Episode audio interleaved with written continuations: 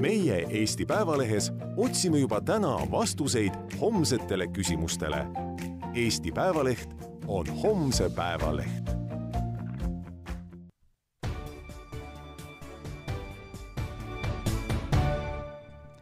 tere tulemast kuulama eh, Delfi taskuringhäälingu eh, saadet eh, Majandusaruanne ja tänane teema, meil on ainult üks teema täna saates, on viimasel ajal selliseid kirgi tekitanud võõrtööliste teema. Ja majandusajakirjanikuna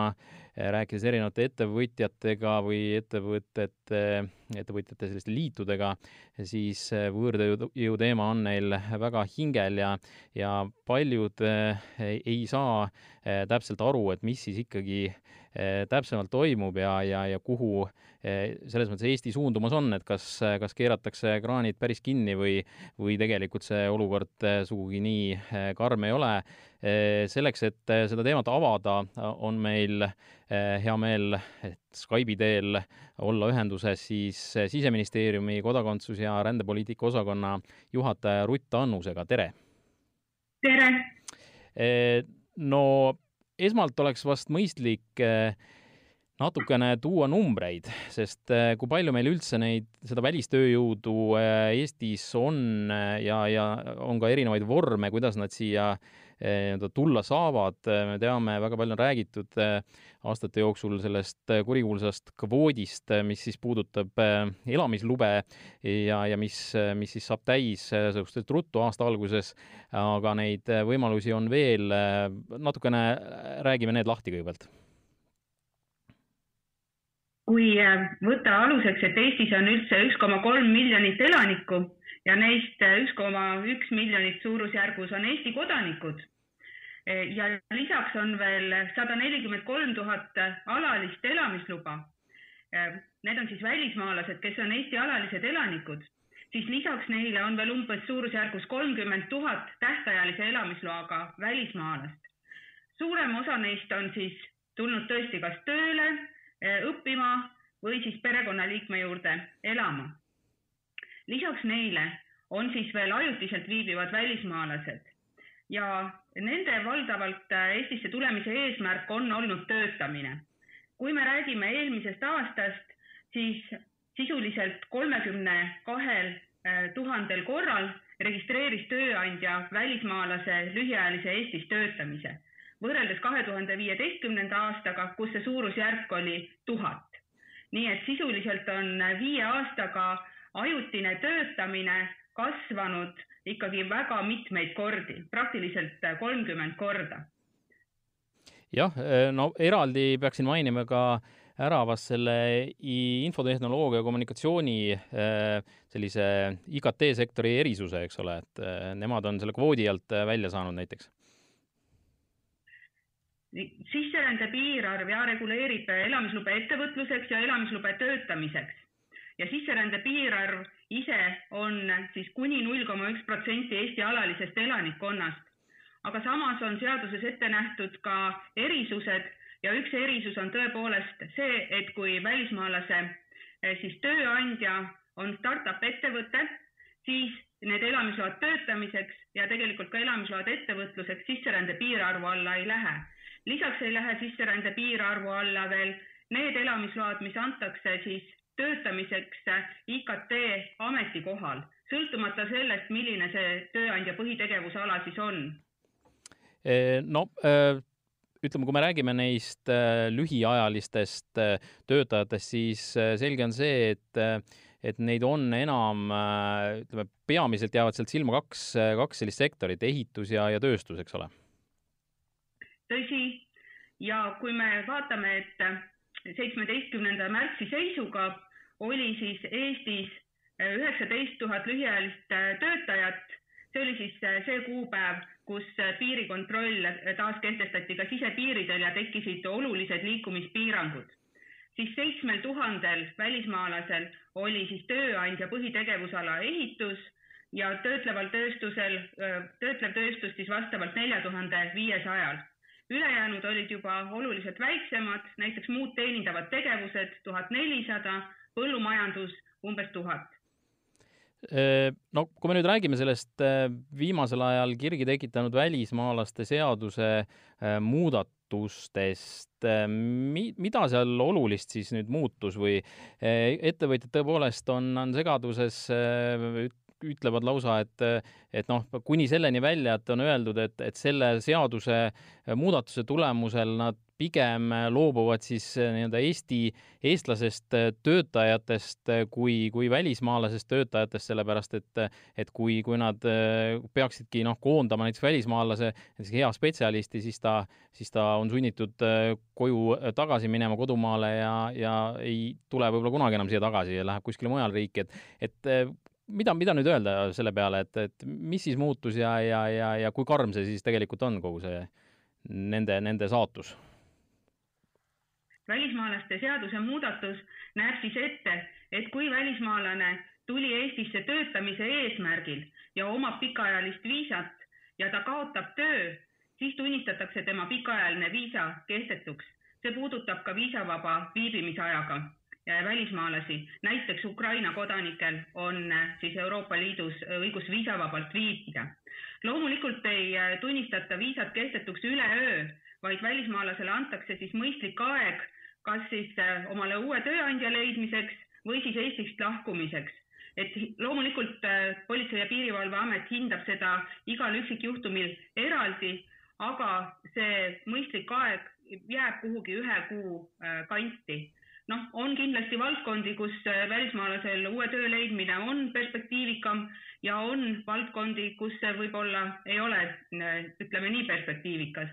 Eestis on praegu üle neljakümne seitsme tuhande töötu.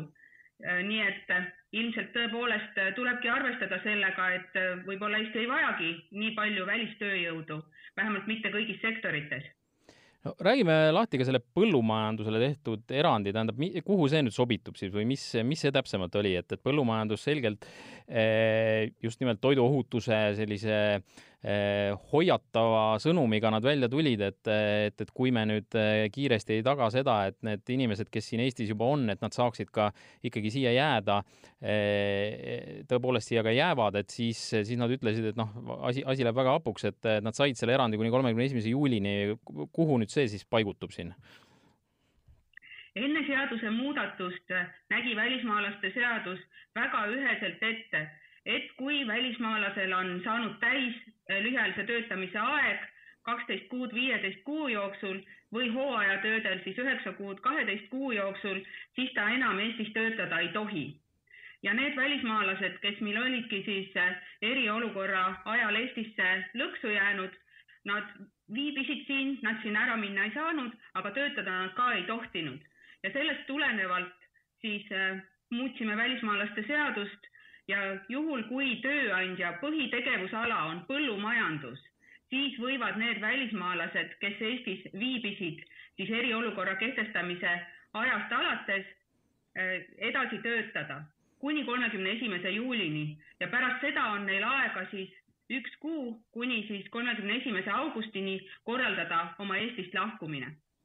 Uh praegu on kuulda, et ka teised sektorid äh, sellist äh, noh, erisust tahavad, ühel hetkel see enam nagu erisusena siis ei kvalifitseerugi, kui, kui kõik seda saavad, aga, aga tõepoolest on, on ka teisi, kes, kes sooviksid, et, et ka neile see kehtiks, mida neile öelda?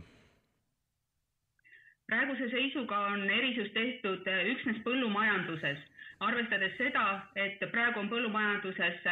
hooaeg ja tõesti see võiks kaasa tuua siis äh, olulise katkestuse toidu tootmises. Äh, küll aga tuleb arvestada, et erisus on kolmekümne esimese juulini. see ei ole hooaja lõpp ehk tegemist on üleminekuperioodiga, mis on antud tööandjatele selleks, et nad kohaneksid uue olukorraga ja leiaksid Eesti elanike seast siis endale sobivad töötajad et nüüd segadust ei tekiks, kui me räägime kas või neist põllumajandustöötajatest nüüd ja, ja see, et kolmekümne esimese juulini nad siin tohivad olla ja pärast seda peavad ära minema, eh, kas nende puhul kehtib siis ka see, et kui nad leiavad endale rakendust eh, mujal siin Eestis, eh, et siis nad võivad jääda või, või need on hoopis üks teine grupp tegelasi siis? juhul, kui neil on ikkagi täis seesama lühiajalise töötamise aeg mm, -hmm. siis neil ei ole võimalik uue tööandja leidmisel ikkagi Eestisse tööle jääda ja nad peavad ära minema no äh, võtame ühe konkreetse näite ka igaks juhuks lihtsalt, et, et panna see ka niisugusesse reaal, reaalsesse ellu, et et kui ma olen, ütleme, ehitusettevõtja ja mul on palgal nüüd ütleme, kümme Ukraina sellist spetsialisti, kelle lepingud hakkavad siin lõppema, siis mida ma tegema pean, et selles mõttes, et, et kui mul on neile tööd edasi anda, siis noh, praegune see meie jutuajamise selline ütleme, tulem või ütleme, see, kuidas mina sellest aru saan, on see, et lihtsalt tuleb siis nende lepinguid pikendada, et, et, et siis ei olegi nagu midagi, eks ole, et, et kõik jätkub, et, et mingit sellist hirmu, et nüüd kuidagi need töötajad äh, võetaks neilt ära, et seda ei ole. Välismaalaste seadus näeb endiselt äh, üldregulatsioonina ette, et äh, välismaalane võib töötada kuni kaksteist kuud viieteist kuu jooksul. Ja kui see aeg on täis, siis rohkem välismaalane töötada ei tohi see erisus laienes ainult põllumajandusele, mis kehtestati ahhaa, seda on hea teada, ma arvan, et, et see selgitab seda, seda teemat äh, hästi lahti. Ehm, no äh, te ütlesite ka siin ja, ja seda on ka varem äh, olete nii teie öelnud kui, kui ka, kui ka teised Siseministeeriumi poole pealt just, et, et tõepoolest see on aeg, mil, mil võib-olla see võõrtööjõud peaks asenduma äh, nendega, kes praegu, eh, keda koondatakse, kes jäävad töötuks, see töötute arv tõesti läheneb sinna viiekümnele tuhandele ja e, e, aga, aga selle peale ettevõtjad on öelnud, et, et noh, ega see ei ole lihtne, et, et et meil ikkagi paljud neist võõrtöölistest on selliste ametite peal, mis nõuavad eriteadmisi, erioskusi ehm, ja, ja ei ole see nii lihtne, et tänavalt astub ütleme, hotelli retseptsioonitöötaja või, või barista sisse ja, ja ta suudab kohe eh, seda tööd ka teha. et mida neile öelda? arusaadavalt eh, võib olla olukord, kus tööandja peab eh, ette nägema aja ka töötaja väljaõpetamiseks aga kogu välismaalaste seaduse töötamise regulatsiooni mõte ongi suunata tööandjad eelistama Eesti elanikest tööjõudu. nii et arusaadavalt, kui on vajalik väljaõpe, siis tööandjal on mõistlik kiiresti sellega ka alustada. no äh, täna just rääkisin ühe, ühe ettevõtjaga, kes just selle äh,, selle idee peale niimoodi äh, väga kuidagi sapiselt ütles, et, et esiteks, et, et see väljaõpe tihti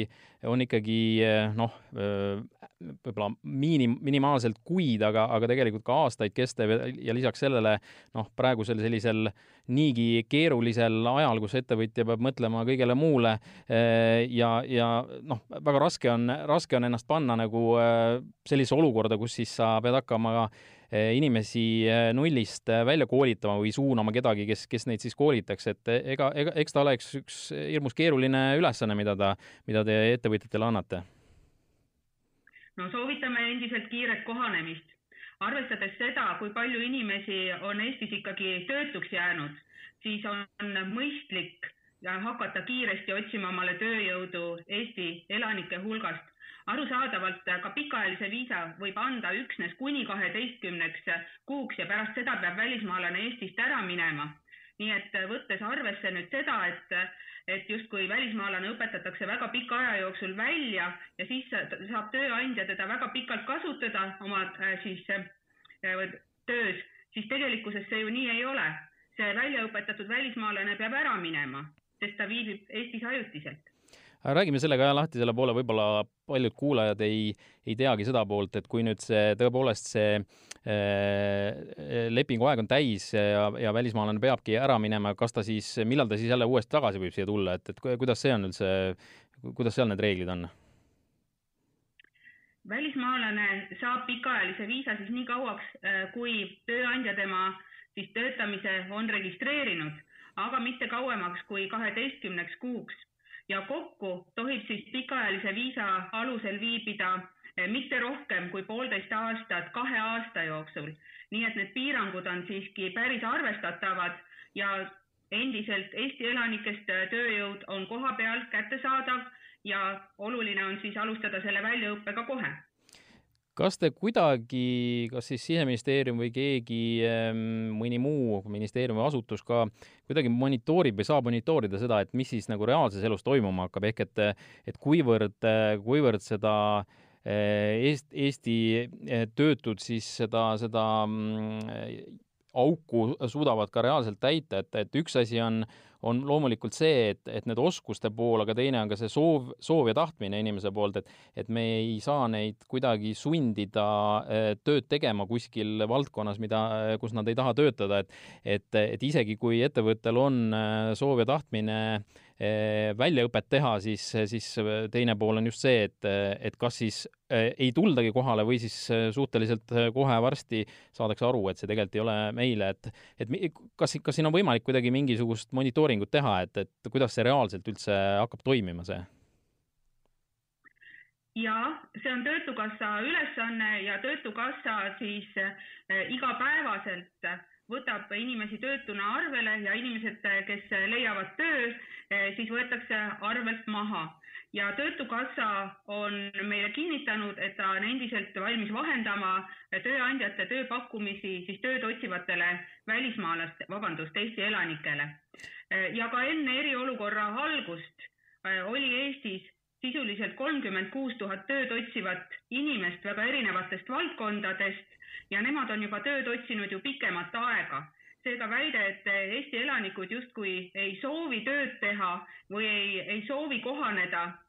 või ei soovi saada väljaõpet, et see ei vasta tõele. töötukassa monitoorib seda olukorda ja kindlasti on oluline kokku viia siis eh, töö, tööandjad ja tööd otsivad Eesti elanikud. Eh, me teame seda, et, et Töötukassa selline loogika on olnud see, et, et sa pead tööd otsima, tähendab, sul peab olema aktiivne äh, selleks, et saada erinevaid neid Töötukassa toetusi ka, et et sa ei tohi olla passiivne, sa pead näitama välja seda, et et sul on endal huvi äh, tööd teha, ega seal muud mooduseid ju tegelikult ei ole ega tule ka, et, et nüüd tõepoolest, kui on äh, vabu töökohti kuskil, et Töötukassa saaks noh, nii nagu siin mõned inimesed, vanemad inimesed meenutavad, eks ole, aegu, kui, kui ka su-, käis, käis elu nii-öelda suunamisega ja, ja tööle suunati kuskile, et ega Töötukassal seda, seda võimalust ei ole, et ikkagi tegelikult kõik taandub sellele eh, paljuski inimese enda huvile või selle töötu enda, enda selle, selle motivatsioonile. Me ei saa kindlasti võrrelda olukorda kaks kuud tagasi ja praegust olukorda, arvestades, et olukord on ka majanduses muutunud ja inimesed on jäänud töötuks ja iga nädal lisandub veelgi rohkem inimesi, kes on jäänud töötuks. nii et ma arvan, et ka inimeste hoiakud on muutumas ja tööandjad ja tööotsijad on võimalik kenasti kokku viia. ma olen, mul on hea meel, et te nii positiivne olete selles osas. ma pudutaks ühte teemat veel siin, mis siia kenasti sobitub jällegi sõnum eh, ettevõtjatelt ja, ja, ja tegelikult eh, ka sellest on ju kirjutatud, see ei ole mingi saladus, et, et meil siin ehm, toimub üks, veel üks selline üks viis või võimalus, kuidas Eestisse tööle tulla, ehm, nimelt siis erinevate Eh, riikide renditööjõuna ehk et, et noh, siin tuuakse eh, kõige enam näidet Poolat, eh, võib ka, võib ka siin Läti ja Leedu ja mis iganes teiste riikide variante kohata, kus siis ei, ei töötata mitte Eesti töölepinguga, vaid on tehtud tööleping mõnes teises riigis, aga reaalne töö tegemine käib siin, see on niisugune noh, selgelt mitte tolereeritav tegevus loomulikult, aga, aga, aga see on noh, väidetavalt ikkagi tuhanded inimesed, tuhanded töötajad on niimoodi töötanud. mis selles valdkonnas toimub ja, ja mida saab teha, et see selline, ütleme, võimalus ära kaotada? välismaalaste seadus näeb üldreeglina ette, et tegemist on Eestis registreeritud tööandjaga, seaduslikult viibiva välismaalasega ja tööandjal on siis võimalik see välismaalane tööle võtta, kui ta maksab talle vähemalt Eesti siis eelmise kalendriaasta keskmist palka. praegu on see siis tuhat nelisada seitse eurot. Euroopa Liidu õigus näeb ette töötajate piiriülese liikumise ja mõned nendest skeemidest on tõepoolest sellised, mis võimaldavad töötada soodsamatel tingimustel. aga Euroopa Liidu õigus kaitseb ainult tegelikke ettevõtteid ehk kui tegelikult on Poolas näiteks ehitusettevõte, kellel on siis tööd, ehitustööd ka Poolas, siis on tal õigus nende samade välismaalastega pakkuda sedasama teenust ka Eestis. Euroopa Liidu õigus ei kaitse skeemitamist ehk kui on ainult loodud näiv vastavus siis mõnele Euroopa Liidu soodsamale skeemile. ja selleks, et selline skeemitamine ära lõpetada, algatasime siis välismaalaste seaduse muudatuse, mis on praegu Riigikogus. selle seaduse äh, muudatuse mõte on siis see, et tööandja peab ikkagi välismaalase töötamise registreerima õigel alusel ja tõendama siis, et tal tõepoolest seal teises liikmesriigis ka ettevõte on ja ta vastavat teenust pakub. kui tööandja ei suuda tõendada, et te tegelikult ka vastab see töötamine mõnele siis Euroopa Liidu soodsamale skeemile, siis teeb Politsei- ja Piirivalveamet sellele tööandjale ettekirjutuse eh, viia siis see töösuhe vastavusse tegeliku olukorraga. Ehk registreerida siis välismaalase töötamine Politsei- ja Piirivalveametis, makstes talle siis vähemalt tuhande neljasaja seitsme euro suurust palka. Ja nii kaua, kuni siis see töösuhe ei ole viidud õigele alusele, siis eh, see välismaalane töötada ei tohi. No ma tean seda, et Soomes on lähenetud sellele teisiti, et seal on mingisugune niisugune registripõhine lähenemine, kus siis on, on selline noh, ka ütleme ikka roheline ja punane, et kui sa oled hea maksumaksja, korralik maksumaksja, siis sa oled rohelises, kui sa äh,, on näha äh, selgelt, et sa oled äh, skeemitanud, sinu, sinu ütleme, andmed ei vasta tegelikkusele, seal on siis mõeldud välja mingisugused sellised äh, võimalused, kuidas seda tuvastada kõik, et, et tõepoolest sa äh, kasutad äh, töötajaid, kelle pealt äh, makse ei maksta, et siis äh,, siis tegelikult see on nagu selline mõnes mõttes nagu häbipost, et, et, et sinu partnerid saavad selle kohta info teada, teate te selle Soome süsteemi kohta midagi äh, lähemalt öelda rääkida? eks iga riik äh, püüab leida lahendusi skeemitamiste äh, ärahoidmiseks ja oleme suhelnud ka oma Soome partneritega, et jagada siis oma parimaid praktikaid vastastikku. Soomes on, on tõepoolest mitmeid lahendusi, kuidas siis skeemitamist ära hoida, just nad näevad sarnaseid skeeme nagu meie ja ega, ega põhimõtteliselt on ju poliitilise kokkuleppe koht, eh, milliseid eh, siis erinevaid meetmeid saab kasutada. kindlasti on neid meetmeid veel, aga üks meetmete pakett, kuidas siis skeemitamist ära lõpetada, on meil praegu Riigikogus ja me loodame selle ikkagi kenasti lõpuni menetleda no see tegelikult eh, kindlasti ei saa kaitsta seda sellist, sellist käitumist, nagu, nagu siin need ettevõtted teevad, kes kes siis kas siis teadmata või teadlikult kasutavad tööjõudu, eh, noh, tõenäoliselt nad teavad sellest, et, et nad kasutavad tööjõudu, mis ei ole Eestis või Eesti töö, ütleme, töölepinguga, vaid, vaid tulevad kuskilt mujalt ja, ja nii-öelda maksude ja kogu selle, selle pealt eh, püütakse siis kokku hoida, et, et seda kindlasti ju kaitsta ei saa ja, ja väga hea, et sellega tegeletakse, sealt omakorda siis eh, nii-öelda vabaneb, vabaneb seda, seda tööd, mida peaksid saama jällegi need eestlased siis teha, sest et, et reaalselt, kui me räägime tuhandetest inimestest, keda see praegu äh, puudutab, siis noh, ongi tööandjal äh, variant, et kas ta, kas ta teeb selle äh, legaalseks, muudab selle töö või siis, või siis need töötajad tuleb leida Eestist. seda on tore kuulda, et sellega tegeletakse sooviks peatuda ka ühel teemal, mis veidi puudutab nii tööturgu kui ka, kui ka siis äh, välismaalasi, aga see on äh, paar kuud tagasi äh, välja tulnud siis plaan nii-öelda piirata välistudengite töötamist Eestis. mis sellest rääkida saab, mis staadiumis see on? algatasime eelnõu selleks, et kontrolli alla saada paremini ka õpiränne et praegu on viiskümmend protsenti õpirändest sisuliselt kõrge sisserände Riskiga riikidest